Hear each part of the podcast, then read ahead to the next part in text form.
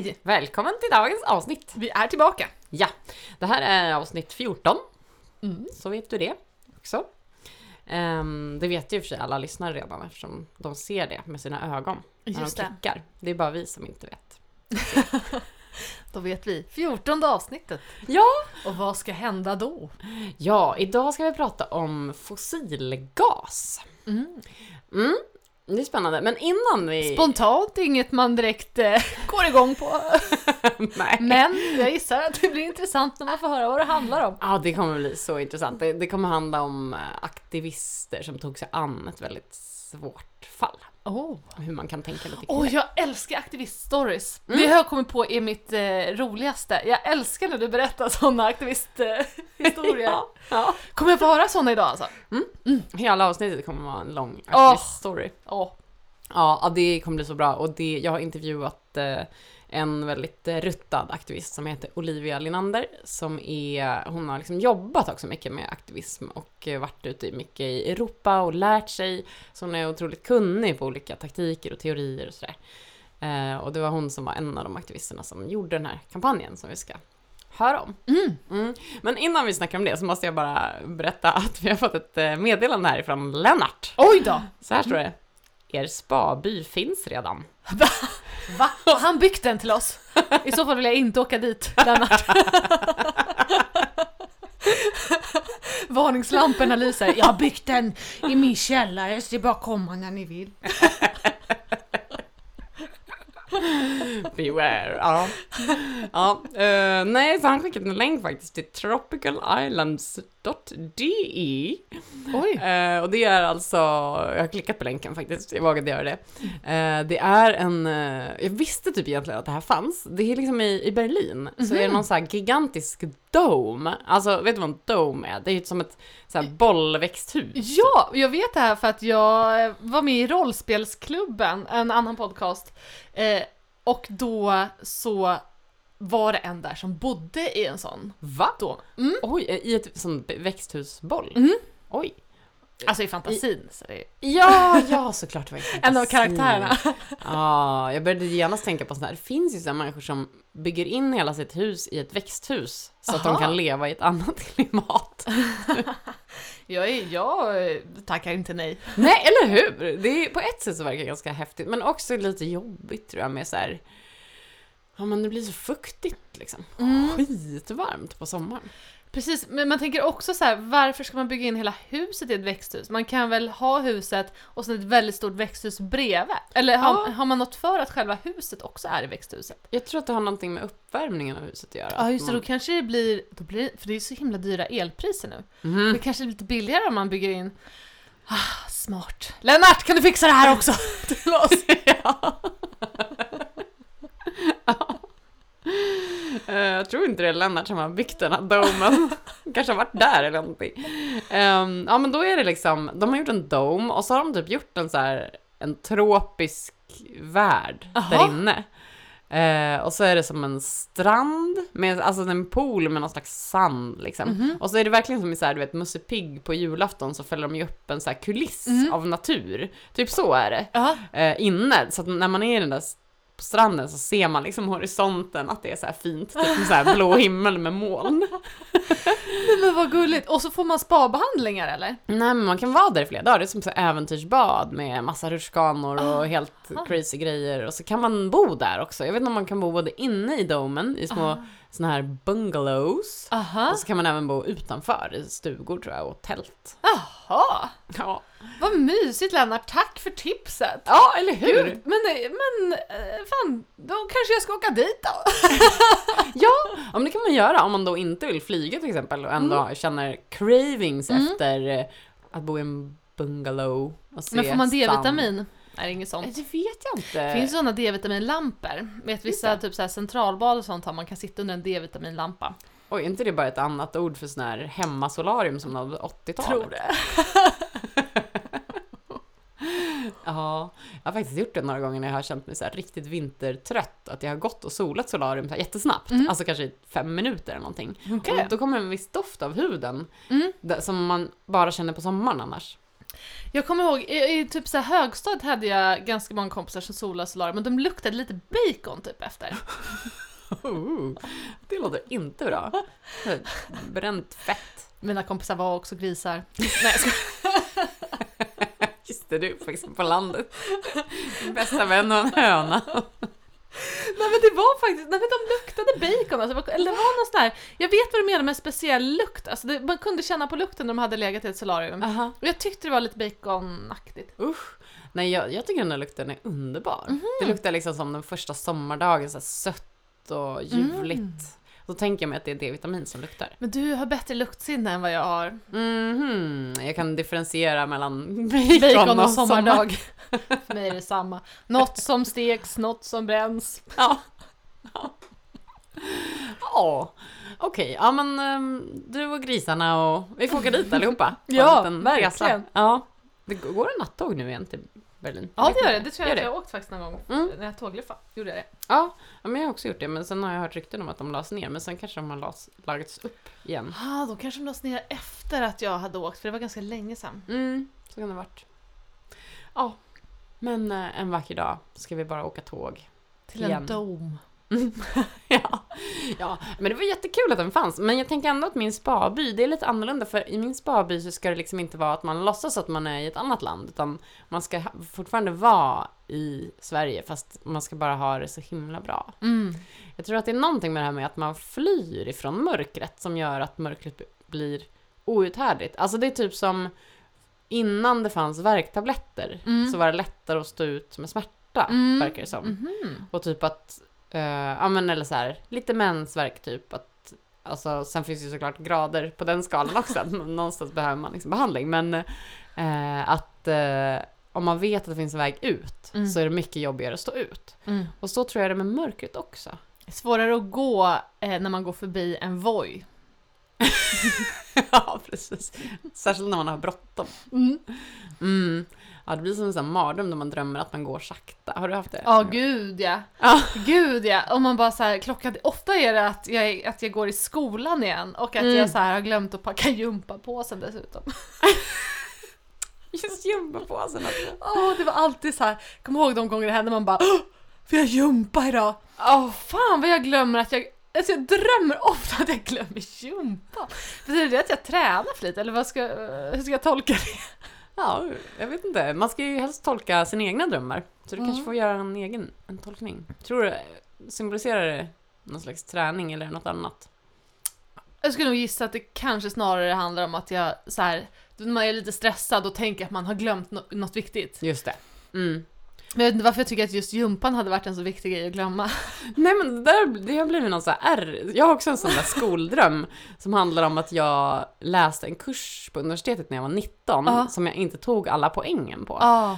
Och så nu drömmer jag liksom in den i min vardag, att det är så här, jag är egentligen inte färdig psykolog. Ah. Eller typ, ja, det är dagen innan examen och då kom jag på att jag har missat statistikkursen som Ah. är den värsta kursen. Mm. Och så är det bara så här skittråkigt för jag inser att jag, alla andra kommer ta examen och inte jag. Ja. Mm. Gud, det där har jag också drömt att man har så här, typ att man inser plötsligt att att men gud, jag går ju fortfarande i skolan, men jag har bara glömt att gå dit. Undrar om det är så här, man är rädd att bli påkommen som en bluff. Att man ja, bara, det. fan, jag har ju liksom inte, jag har inte varit där. Ja, just det. Ja, ja, man är en oliding. Men eller så är det att man bara är helt uppvuxen. Man är så himla uppvuxen i skolan. Så att det, ens hjärna tror att det är så det ska vara hela Mm. livet. Vart är mitt schema? Ja, När har vi håltimme? Det är lite den, man bara, Ja, just det. Åh. Jag kommer ihåg att det var så magiskt att lunch hade fem bokstäver lika många som veckodagarna, så man kunde skriva så här L-U-N-C-H på lunchrasten. Att jag var helt så här, flera år var jag helt mesmerized. Bara, har, de, har de räknat ut det när de kom på ordet lunch? det tror jag. Ja, kanske. Det stavades SCH först och så bara äh. Oh, Ja. vad fint. Mm. Ja. Ska vi prata om fossilgas nu då? Ja. Ja. Då kommer först Karis fakta om fossilgas. Eh, för jag tänker att eh, i alla fall jag visste inte så mycket om fossilgas innan jag började liksom, med aktivism och sådär. Fossil är också lika många bokstäver som lunch. Så istället för lunch så har Elin skrivit så här fossil. fossil. Samma tid varje dag. Utom på helgen. Fossilfria helger. Ja, exakt. exakt. Ja. Alltså nu måste jag vara sidospår igen, men jag var med i ett radioprogram tillsammans med en paleontolog. Oj, vad är det? Det är som Ross i Vänner.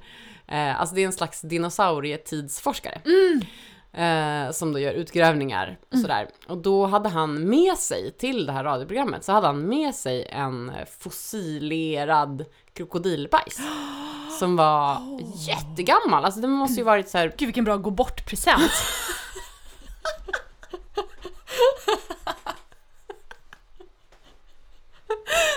Alltså om jag hade fått en krokodilbajs i gå bort present, alltså jag hade blivit så glad. Jag med! Jag med! Alltså den där krokodilbajsen, den var helt magisk. Alltså jag fick hålla i den och den såg ju verkligen precis ut som en bajs, Ja. men den var som en sten, alltså hård och Ja. inte kladdig äcklig. Och så var det liksom att eh, det här är en krokodil som har levt för två miljoner år sedan, eller hur gammal den nu var. Och här står jag Ja. med dens bajs. I handen. Alltså det var en så här svindlande känsla som jag bara känt några få gånger i livet. Vad som att föda barn. ja, precis. Men gud vad sjukt. Det var helt fantastiskt. Åh, jag måste bara fortsätta på sidospår dinosaurier. Mm.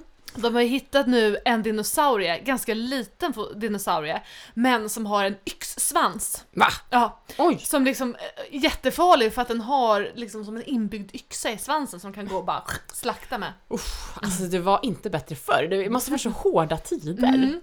Usch, ja. Men du, den här paleontologen, han berättade också en grej som var så himla cool, att de har börjat eh, som en en metod att de röntgar såna här gamla krokodilbajsar för att se vad krokodilen har ätit. Get a life.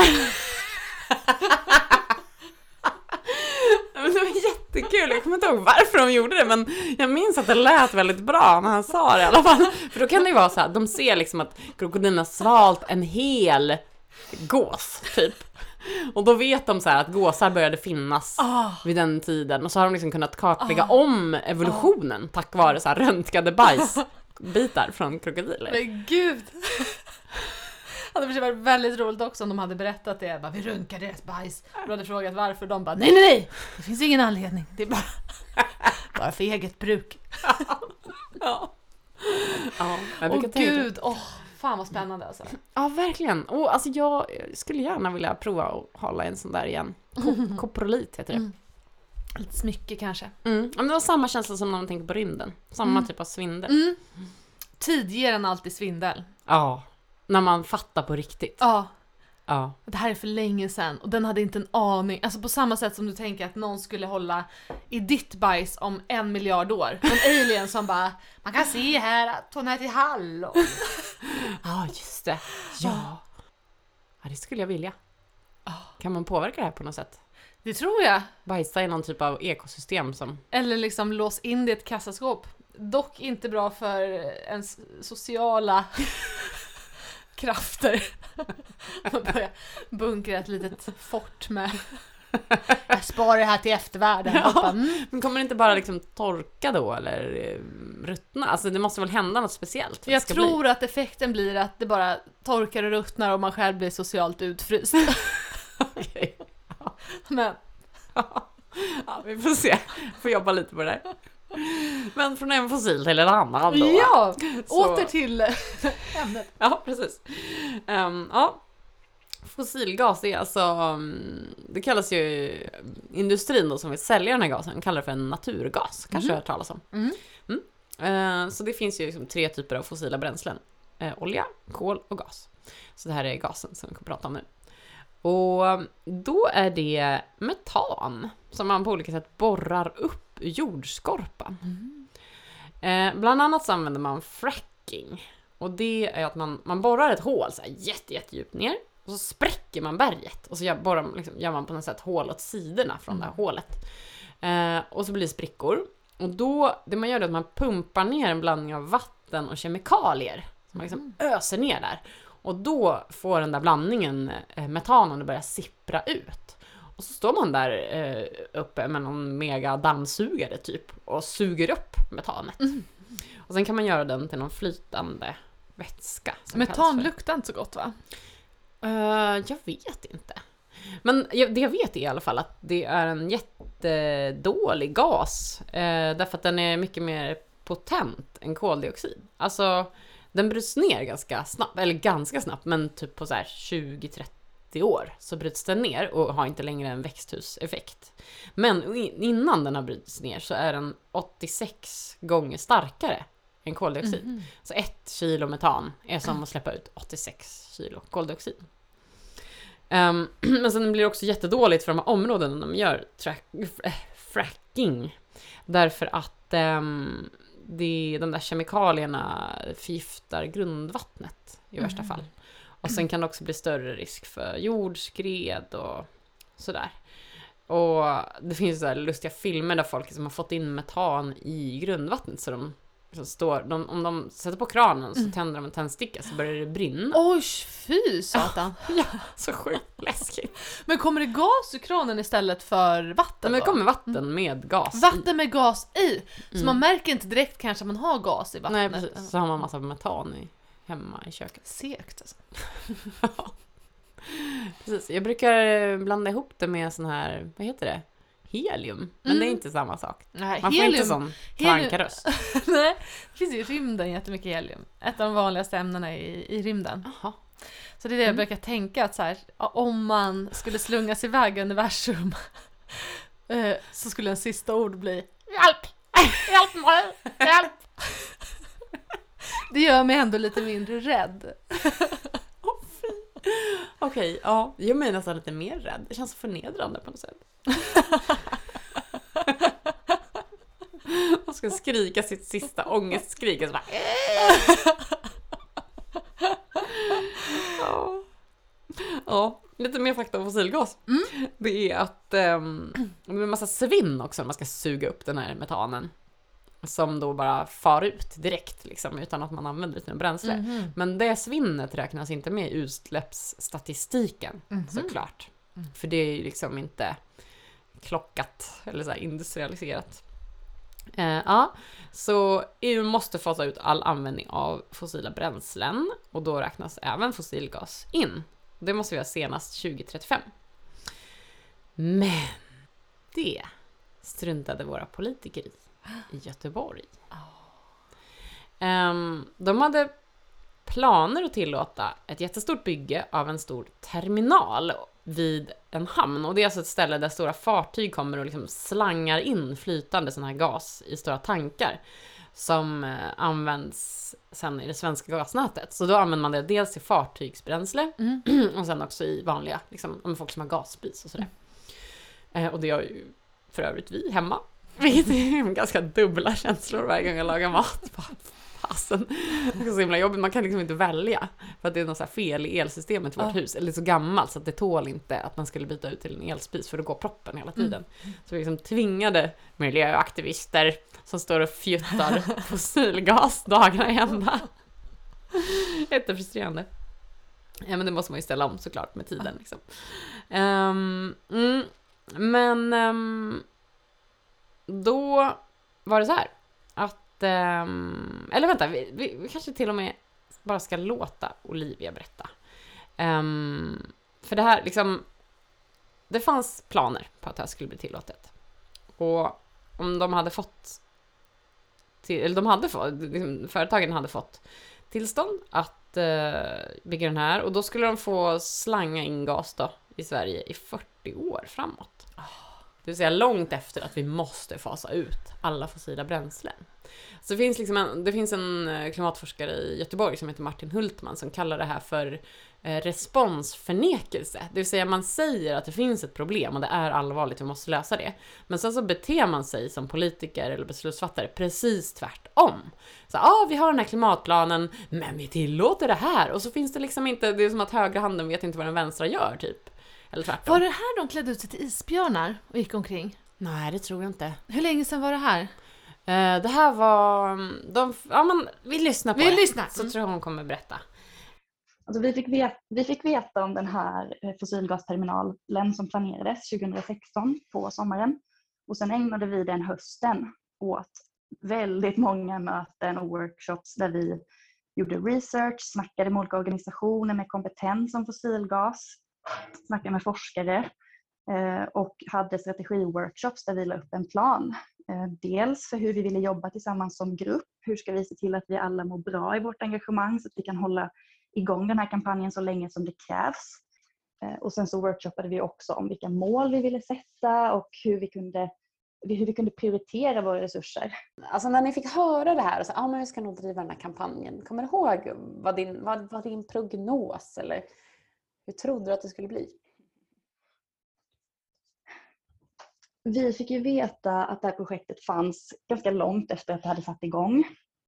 Ehm, och vi visste att eh, de hade redan fått miljötillstånd eh, enligt eh, miljöbalken och vi visste att det var ganska så osannolikt att vi skulle lyckas stoppa det här stora projektet. Swedegas, företaget bakom, de har ju liksom internationella moderbolag som sysslar med fossilgaspipelines runt om i världen och de har en kommunikationsavdelning i Sverige och, och ganska mycket pengar. Liksom. Så vi visste att nu ger vi oss verkligen på liksom, en aktör som har mycket mer resurser ekonomiskt än vad vi har eh, en sak som vi gjorde då för att se till att vi ändå kände att det var meningsfullt att driva den här kampanjen, det var att vi satte upp mål för kampanjen som rörde inte bara att stoppa terminalen utan också att, eh, att påverka hur debatten sker kring fossilgas. Det var ett av våra huvudmål också. Vi ville lyfta frågan om fossilgas i den svenska miljödebatten, både inom miljörörelsen, där det var i stort sett tyst om fossilgas då, ehm, och också i den allmänna debatten. Sen hade vi ytterligare ett mål som handlade om att stärka klimatrörelsen. Vi ville använda taktiker som klimatrörelsen inte kanske är så ofta använda i Sverige och eh, helt enkelt bidra med inspiration och metoder som, som stärkte liksom andra rörelser också i Sverige. Så, så det, och an, anledningen att vi gjorde det var ju dels för att vi ville åstadkomma en större förändring än att bara stoppa det projektet lokalt. Men också för att vi visste att liksom, man måste, man måste få vinna segrar i sina kampanjer ibland. Man måste sätta upp mål som är rimliga så att vi vet att vi jobbar för någonting där vi inte bara slänger vår tid i, i havet liksom, utan eh, vi ville ha mål som var realistiska. Mm. Mm. Så det var 2016. Mm. Och det, jag vet inte om de sa det, men att de hade fått det här miljötillståndet 2014. Men ingen hade vetat om det. Mm. Är det ofta så att sånt sker lite under radarn eller? Eh, jag vet inte om det ofta är så. Det kan ju också vara så att saker händer under radarn helt och hållet så att vi aldrig ens mm. har fått veta om det. Um, hur gör man för att ha koll på sånt där då? Ja, det är ju skitkonstigt hur det gick till. För det, då var det liksom att det var några aktivister från Sverige på en så här tysk klimatkonferens, eh, typ, eller ett, ett klimatläger för aktivister. Och då hade de eh, pratat om fossilgasexpansion i Europa och så såg de bara så här, det är en nål på Göteborg på den här kartan. Vad är det där för nål? Mm. Och de bara, ja ah, det finns planer. De fick liksom veta det via Tyskland. Annars hade vi aldrig vetat om det. Det är som att gå in på en polisstation så ser man sitt eget foto på en vägg. Varför är jag på den där mindmappen? ja, eller typ som man ser sin egen, sin egen pappa på ja. Vad har hänt som inte jag vet om? Det, det, det, det, det nålen där? Ja. Men gud vilken slump! Ja, sjukt alltså. Ja. ja. Och då, men då hade de berättat så här, det är för det här. Nej, då hade de liksom fått forska jättemycket också. Oh. Eh, att försöka ta reda på vad oh. är det och vad har hänt och hur långt har det gått och mm. ja, har du fått något tillstånd eller hur liksom, har, finns det överhuvudtaget någon chans? Alltså, kan man stoppa det överhuvudtaget eller? Ja. Gud, det där, det där detektivjobbet måste ju också vara ganska kul att göra. Ja, Verkligen, fast också lite stressigt kan jag tänka mig. Fast jo, jag tror de hade rätt lite, kul. Har de någon liten vind någonstans där man klättrar upp på en stege och så har man en saftmaskin som man drar ett snöre så får man saft och så sitter man hela nätterna med massa papper och böcker och förstoringsglas. Ja. Det är så det går till. Och så när man inte vet svaret så frågar man anden i glaset.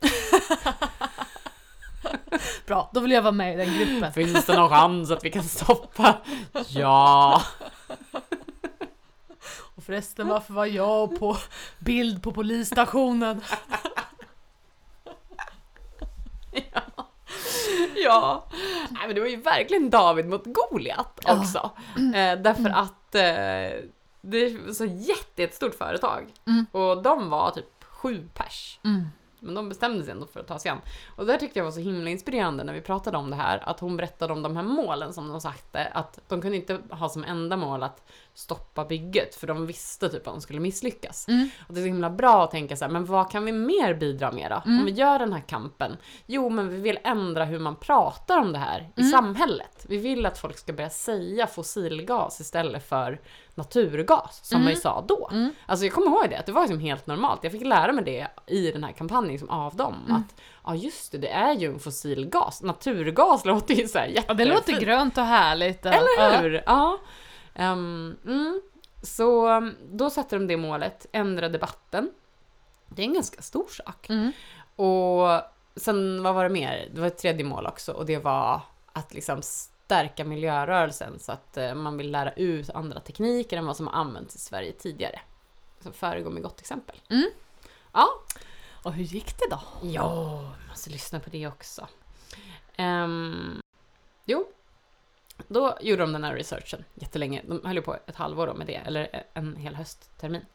Eh, och de pratade med en massa miljöorganisationer och miljöforskare. Mm. Eh, och satte upp sina mål. Men sen så började de med att ha möten med politiker. Och då började de med kommunpolitikerna i Göteborg därför att frågan låg hos dem. Men det räckte inte, så då gjorde de så här. Så efter vi hade haft möten med politiker och eh, märkt att eh, vi kommer behöva sätta press på andra sätt också, eh, det hade vi räknat med, men vi, vi valde då att till exempel ordna Eh, manifestationer utanför kommunfullmäktige. Vi gick i demonstrationståg, ordnade eh, manifestationer, eh, en gatuteater och lite olika fotomanifestationer runt om i stan. Ehm, och när vi liksom då trappade upp och ville rikta oss även till regeringen, för vi insåg att det fanns ett koncessionstillstånd som måste till för att den här terminalen skulle bli av. Då hade Sverige som energiminister Ibrahim Baylan och då såg vi till bland annat att samarbeta med aktivister i Stockholm ehm, och stå, ehm, stå i entrén till en konferens, en energikonferens som Ibrahim Baylan skulle delta på. Eh, vi störde även en föreläsning som Ibrahim Baylan höll om hur bra svensk klimatpolitik är på Göteborgs universitet genom att eh, hålla upp en banderoll mitt i föreläsningen och berätta för studenterna att det var greenwash och eh, vända oss till Ibrahim Baylan och säga att vi vill ha möte med dig om den här fossilgasterminalen. Det fick vi. Wow! Tänk när ni fick det. Mm. Okej, och hur, hur var det mötet sen? Alltså det mötet var ju också som vi hade väntat oss. Ingen vidare entusiasm liksom från Ibrahim Baylan. Han framhöll väldigt mycket att jag har inte så bra koll på energipolitik så jag måste lyssna på alla parter i det här. Eh, så jag kommer också vilja prata med företaget bakom den här terminalen till exempel. Ehm, nej, men vi, vi använder väl det som att helt enkelt nu, ett argument för att fortsätta öka pressen och säga vi har pratat med energiministern nu, han lyssnar fortfarande inte och att trappa upp. Så vi använder ofta möten och samtal med politiker och företagsrepresentanter för att ha argument bakom oss när vi sen trappar upp och gör till exempel civil olydnad. Mm, just det, och för det gjorde ni sen till slut. Fossilgasfällan gjorde eh, civil olydnad vid ett tillfälle eh, då det skedde en blockad i december 2018 av en ingång till Göteborgs hamn.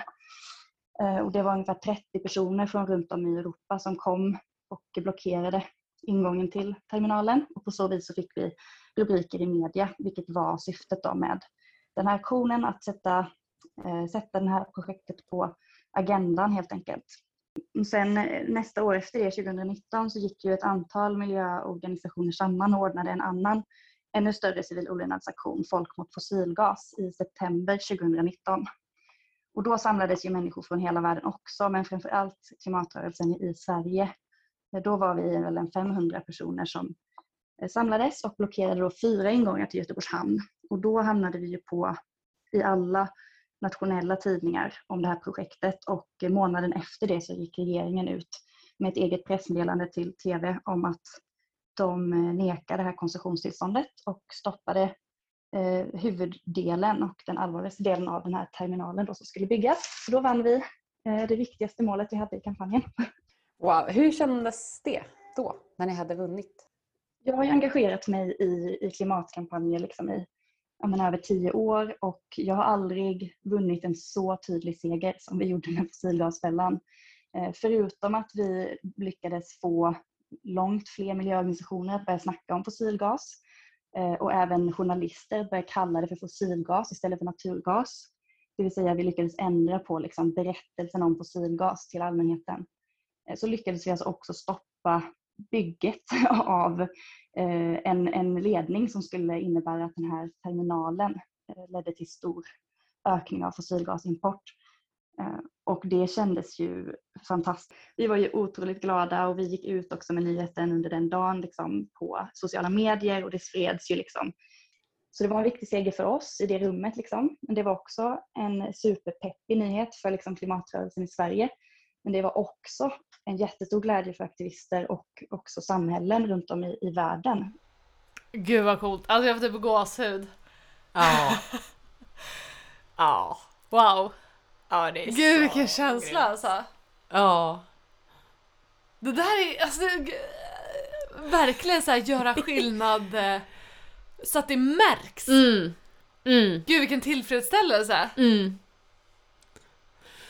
Ja, alltså jag är så himla imponerad av den här kampanjen. Vad händer efter en sån där lyckad eh, liksom, aktion? Blir det fest då? Firar ni? Eller vad liksom, hur, Ja. hur är stäm- vad händer då liksom? Firar ni segrar och så? Eh, ja, alltså den här gruppen de var ju baserade i Göteborg, Mm. så jag var inte med då liksom. Men de, hon berättade att de liksom samlades hemma hos någon person Mm. och åt frukost tillsammans och väntade på det här nyhetsinslaget. Åh, åh och sen bara... ja, hon sa att de var liksom glada i en hel månad, Ah. så var de helt så lyckliga. Åh, åh, vad fint! Ja, ja verkligen. Men sen är ju också, alltså jag var med på den där stora civil olydnadsaktionen som var med 500 pers. Då var jag med. Och då var det grymt för det var också så här, så här stor civil olydnad har vi inte gjort i Sverige på över 100 år. Eh, Så det var också ganska coolt att vara med och på något sätt här, skapa historia. Mm. Att det är så här, ja men det var typ rösträtt och kvinnorörelsen och nu är det vi. Ja. Åh wow. Eh, så då firade vi också efter det. Då hade vi ju blockerat den där hamnen i 12 timmar. Mm. Eh, och då, det var ju jättekul liksom. Och de hade hyrt värsta cirkustältet typ och, Mm. och så. Åh. Det slår mig varje gång du berättar om sådana här aktioner att alla som så saknar att ha ett meningsfullt sammanhang Ja. bara vara med på sånt här. Ja. Det låter ju superhärligt. Mm. Ja, det är ju Vilken någonting... gemenskap. Ja, att få göra någonting storskaligt. Mm. Att få fatta att liksom, nu stoppade vi någonting som annars hade lett till enorma utsläpp i 40 år. Mm. Man kan inte ens, det finns liksom ingen chans att jobba så storskaligt Mm. om man skulle bara göra saker ensam. Mm. Ja, det är ju grymt. Men och, ja, det som också är så coolt är ju att de var så en liten grupp. Mm. Som planerade och sen var det ju en större grupp som planerade den där stora Mm. mm. civil olydnadsgrejen. Men eh, ändå att så få personer med bara rätt taktik Mm. och bra kunskap Mm. kan eh, riva upp ett sånt här beslut. För Mm. de hade ju till och med fått tillstånd att börja bygga. Inte Ah, det sista gud. tillståndet i och för sig, men... Eh, ja. Är, det, är olika miljörättsaktivistgrupper bra på att dela erfarenhet och informera varann och tipsa varann om strategier och sådär? Är det, är det generellt eh, Mm. ett bra sånt klimat liksom? Mm, det är det. Verkligen. Alltså folk är jätte, jättegenerösa Mm. och det finns ju också, i Sverige har det bara varit typ någon gång som jag har varit med på, eh, eller några gånger, men det finns ju, alltså Tyskland är ju väldigt stort land på så här akt, miljöaktivistfronten och Tyskland har ju också en helt annan, de har mycket problem med kolgruvor. Eh, som ju både förstör liksom hela byar som de bara typ spränger bort och gör gruva, alltså för det är dagbrott och det betyder alltså att gruvan är inte under jorden utan den är, det är som ett stort fält där man bara ödelägger allting och gräver upp med så här gigantiska maskiner, typ världens största maskiner, Mm. som bara mumsar upp kol. Eh, och det blir jättemycket luftföroreningar, det är hög eh, dödlighet i de områdena för att det blir liksom, kolkraftverken släpper Mm. ut så mycket andra föroreningar också och sådär. Så att i Tyskland så finns det ju en väldigt stor rörelse emot kolkraft och också en rörelse för det för att de som jobbar på de här kraftverken de kanske inte har så lätt att få något annat jobb i den regionen, då måste de flytta och sådär. Mm.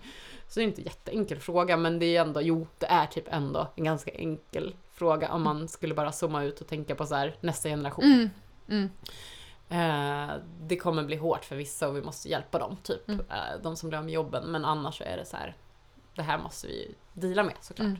Mm. Så i Tyskland så har de någonting som heter Klimakamp, som är så här klimatläger. Ja. Och då kan det vara så här tusen pers typ som har samlats på något ställe och så är det som en festival med massa ja, men workshops och massa, massa människor som lagar mat till alla Mm. i så gigantiska grytor och massor och så här hackar potatis hela dagarna.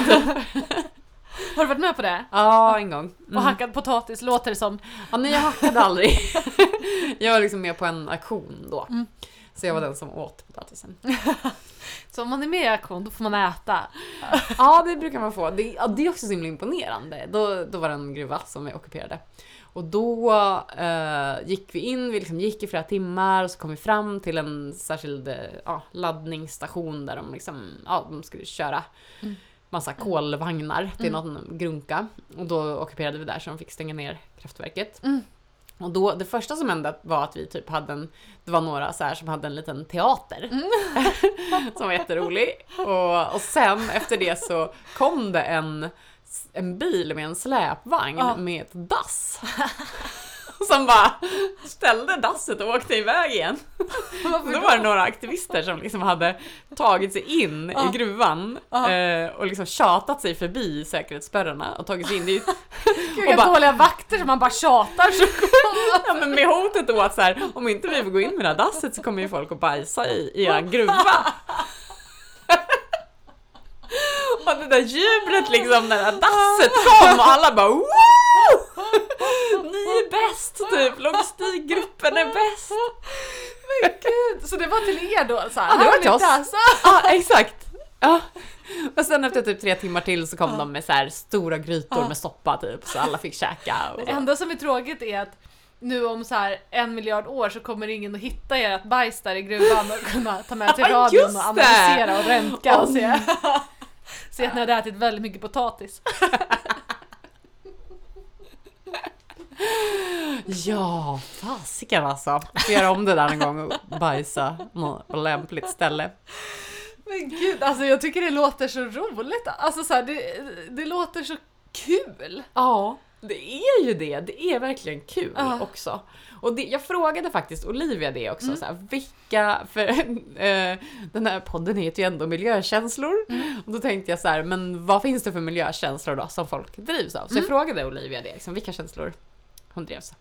För min del så drevs jag väldigt mycket av faktiskt av att jag tycker att det är roligt att engagera mig eh, tillsammans med mina vänner. Tillsammans med att vi gemensamt var extremt arga. Vi var superbesvikna. Jag kände mig sviken liksom av eh, de som hela tiden snackar om att Sverige håller på att ställa om och samtidigt så upptäcker man liksom att industrin lyckas få igenom den här typen av planer obemärkt genom alla de liksom, juridiska och lagliga processer som finns. Eh, och om inte vi som ideella gräsrotsengagerade personer upptäcker det här och, och driver det här jättehårt och ägnar liksom hundratals timmar, tusentals timmar åt att stoppa det här så kommer det liksom gå igenom för det är de resurserna som industrin sitter på. Eh, och det gör ju en fruktansvärt arg. Men jag skulle nog säga att det går inte att driva en, en långsiktig strategisk kampanj i flera år om man bara drivs av att vara arg. Utan vi, vi hade ju också otroligt kul när vi eh, drev den här kampanjen och det var väldigt viktigt för oss att välja taktiker som vi kände att vi ville göra eh, och inte bara satt och ägnade oss åt saker som vi tyckte var tråkigt. Liksom. Klokt! Jag tror så här, för det där tror jag är en ganska vanlig ett vanligt missförstånd att man tänker att om man tycker något är viktigt då måste man vara allvarlig. Så tror jag absolut inte att det är surprise surprise. Nej, det är väl lite därför vi sitter här. Jag tänker så här, bara att någonting är kul Mm. är ett så himla bra bränsle för att orka göra någonting. Så, så här, även om någonting är viktigt så kan man ha en lättsam inställning till det bara för att det blir för att det är en bra strategi. Alltså det Ja. blir en bra mindset för att använda ett eh, självhjälpsord. Ja, men jag kommer ihåg när vi skulle skriva liksom vår ansökan till den här podden, Mm. eller att få göra den, då sa ju du också att så här, men människor har i alla tider skrattat åt det som är svårt. Alltså även i tider av krig Mm. eh, eller kris så har humor varit ett verktyg för att stå ut också. Mm. Och det är såklart att det är, ja men självklart. Det är därför det ofta skrattas ganska mycket på begravning, alltså inte på själva begravningen men efteråt. Begravningskaffet, alltså, det, jag tror att det liksom det är, det är speciellt när någonting är tungt och hårt så behöver man det bränslet att se till att göra det roligt också liksom. Mm. Precis, inte bara skratta bort det utan tillåta det att finnas också. Att, och det var också så fint tycker jag hon beskrev det, att båda de känslorna behöver få finnas. Mm. Ah, det är ju, om man kollar på hoppforskning, det gillar jag att läsa om. Och då, På vad sa du? Hopp? alltså forskning om hopp helt Om enkelt. hopp? Ja. Gud, jag är dum i huvudet, jag trodde du menade hopp, alltså att man hoppar upp och ner. Hur gör man Men varför läser du om det? Jag vill forska på det. Nej, men, Det skulle i och för sig inte förvåna mig om det finns någon som har forskat på det, för det känns ju som att det finns här samma person som röntgar krokodilbajs. Nu ska vi se vad som händer om man hoppar. Och, ja, då kommer man upp och så kommer man ner. Ja. Alltså där känns, det är ju sådär ibland med forskning, att det är så här, nu har vi äntligen belagt att man typ blir glad av att skratta. ja, exakt.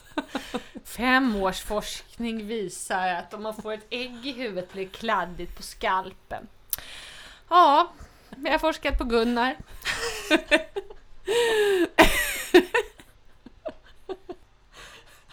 Ibland känns det som att forskare bara är så här mobbare. De bara “Jag vill se om det gör ont att få nålar under naglarna, kan jag få en referensgrupp som kan ställa upp?” så... Det är verkligen sant.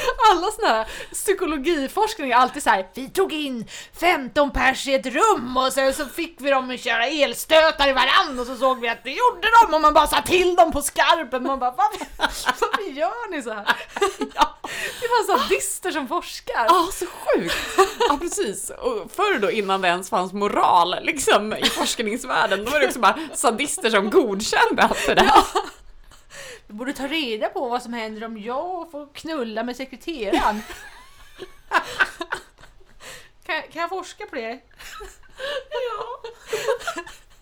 Men nu får man inte vara så elak längre, då har de liksom kommit på andra sätt att plåga folk. Det finns ju någon sån här forskning på uttråkning, där man får ligga i en, på en säng i en dräkt som är helt fluffig, så att man typ inte får några känselintryck. Och så ska man bara ligga stilla och så får man så här 500 spänn i timmen och så kollar de hur, mycket, hur länge folk står ut. Och de står bara ut i typ en timme därför att det är så himla tråkigt. Alltså jag orkar inte med mänskligheten. Varför ska vi hålla på så här? Varför ska man forska i det? Man kan räkna ut med sin arsle att om någon ligger helt still och inte får känna någonting så är det tråkigt. Åh, mänskligheten är så jävla sjuk i huvudet. Inte. man, man kan undra lite hur man prioriterar ibland. Alltså.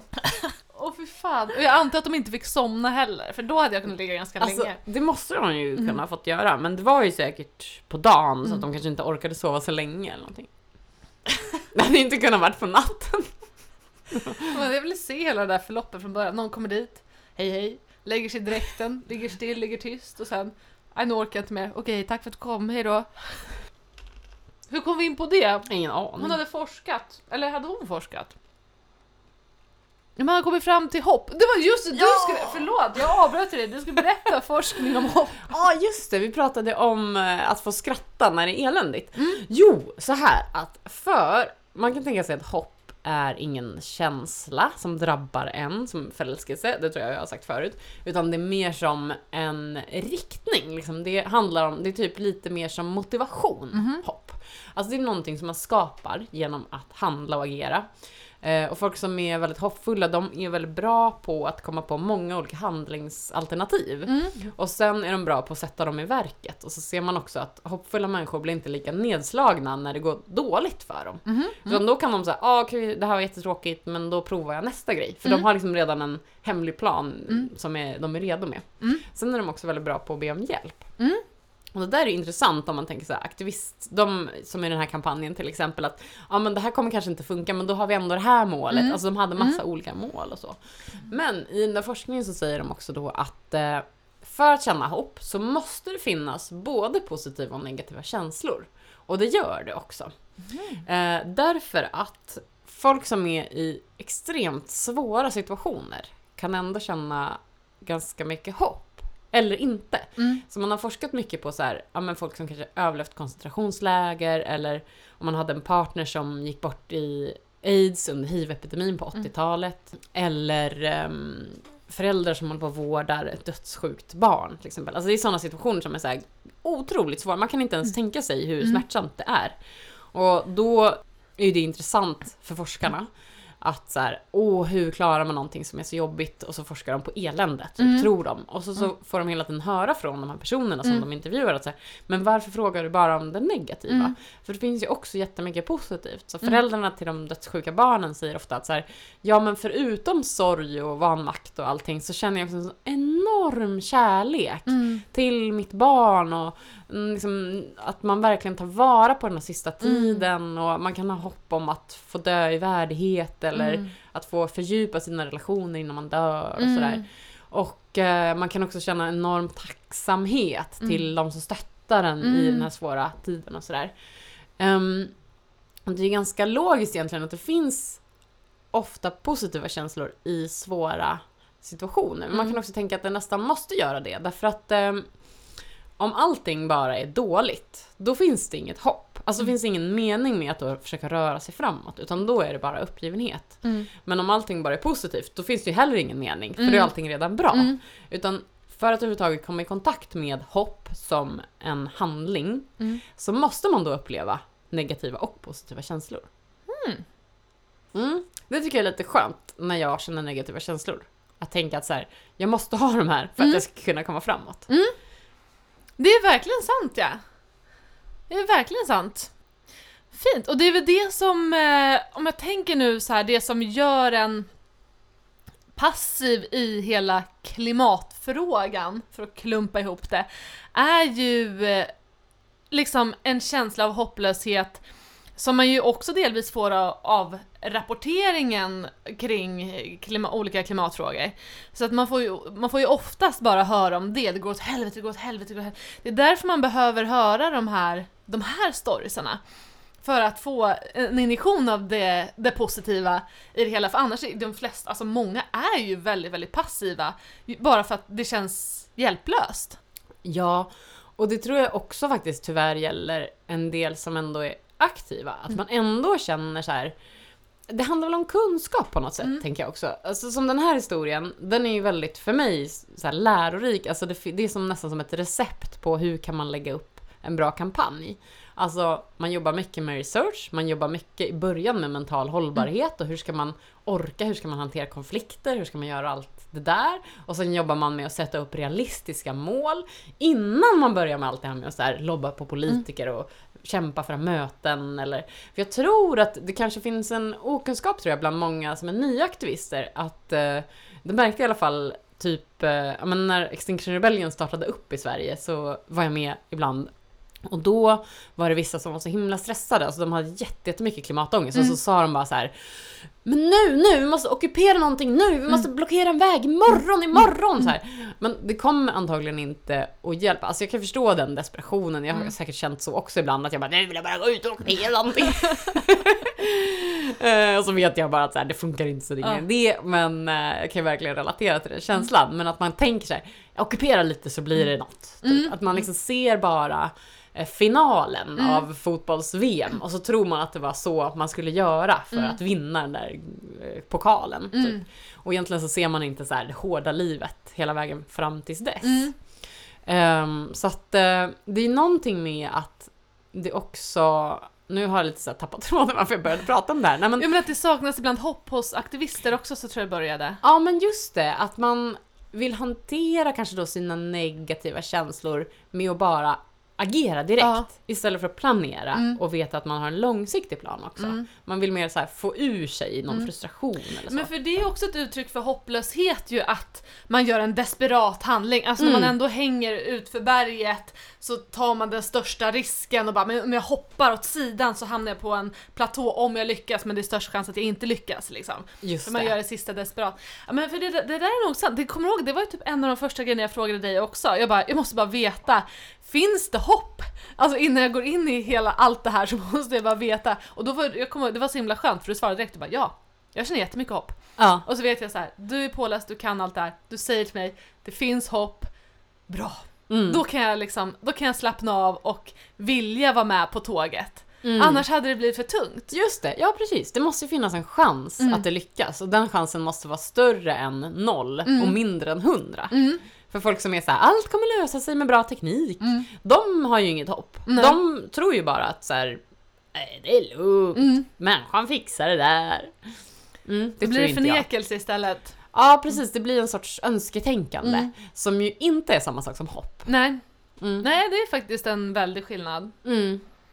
Mm. Ja, ja, men visst är det peppigt. Jag önskar att fler ska jobba på det här sättet. Om du, ja, om du pratar med henne igen får du jättegärna hälsa för mig. Jag blev väldigt inspirerad av henne. Ja, men vad kul. Ja, men det ska jag göra. Mm. Hon kanske lyssnar också. Ja, i så fall så tack. Ja, tack! Alltså tack Olivia och alla ni andra som var med i den här gruppen och så här försåg oss med den här kunskapen. Ja. Ehm, ja men jag tänkte, för det var faktiskt en väldigt bra intervju vi hade. Så jag, någon gång när jag orkar och har tid så kanske jag klipper den så att jag kan lägga ut hela intervjun. För det här Ja. var när jag fick verkligen hård saxa Mm. nu när jag skulle klippa ut de här bitarna som vi har hört på. Mm. Eh, så det Det skulle är vara kul faktiskt som en väldigt bra. Det vet jag förut när du gjorde så eh, med han som snackade om, om ehm, revolution och så. Ja, ställa mig intagen. Ja, Mm. precis. Det vet jag många som har sagt att de lyssnade på den efteråt för att de Ah. tyckte det är bra att ha lite såna extra Mm. svansar för den, den intresserade, den som vill eh, gå på djupet. Exakt, nörda lite Mm. extra. Mm. Ja, vad bra. Eh, ja, och sen eh, så nu är det ju typ eh, advent eh, och eh, jag tror att det blir ett avsnitt till innan vi kör vår lilla julångest special. Mm. Så nästa vecka så ska vi prata om markkol. Mm. Det är spännande lilla ämnet. Kanske det kommer kännas samma sak, så här, fossilgas, markkol. Det är två ord som jag inte har graverat in på en ballock. Kanske jag fria till min sambo så här. Kanske gravera in markkol i I ringen. Jättekonstigt. Varför skulle ni göra det också? Jättekonstigt. Ja men det, vi älskar markkol. Mer än vi älskar varandra. Ja, är markkol någonting bra? Ja, Jaha, jag trodde det var så. Jag tänkte att det var... ah, det. Kol brukar ju vara dåligt och... Ja, ja metall är Ja, ja, ja. dåligt också. Ja, så det är dåligt alltså? Nej, det är bra. Nej, det är bra. ja, det är bra. är jättebra. Eller jag menar, det kan ju vara dåligt om det hamnar på fel ställe. Mhm. Nämligen i atmosfären. Mm. alltså det är därför jag har en växthuseffekt. Ah. Men det ska ju vara i marken egentligen. Eh, ja, precis. Ja. På tal om att fria så uh, skämtade min sambo om att vi skulle gifta oss. Men då skulle vi, det, inte, det finns så mycket så fuffens i metallbranschen också. Mm. Att det är så här slaveri i guldgruvorna typ. Ja. Så han bara, vi får ha ringar av trä. Jag bara såg framför mig hur jag liksom eldade upp den där ringen så första veckan. Typ. Och nej! Försvann den in där. Åh, ringar av trä. Jag ser framför mig att den blir väldigt stor också då. Så här släpa som en hand med här fotboja, typ en stubbe som sitter fast på ringfingret. Verkligen. Ja, Ja, det får bli, man får lida lite för att vara miljövän. Ja. Mm. Ja. Ja, ja, men vad bra. Eh, Vi hörs nästa vecka. Det gör vi. Mm. Glad advent, hej Glad advent!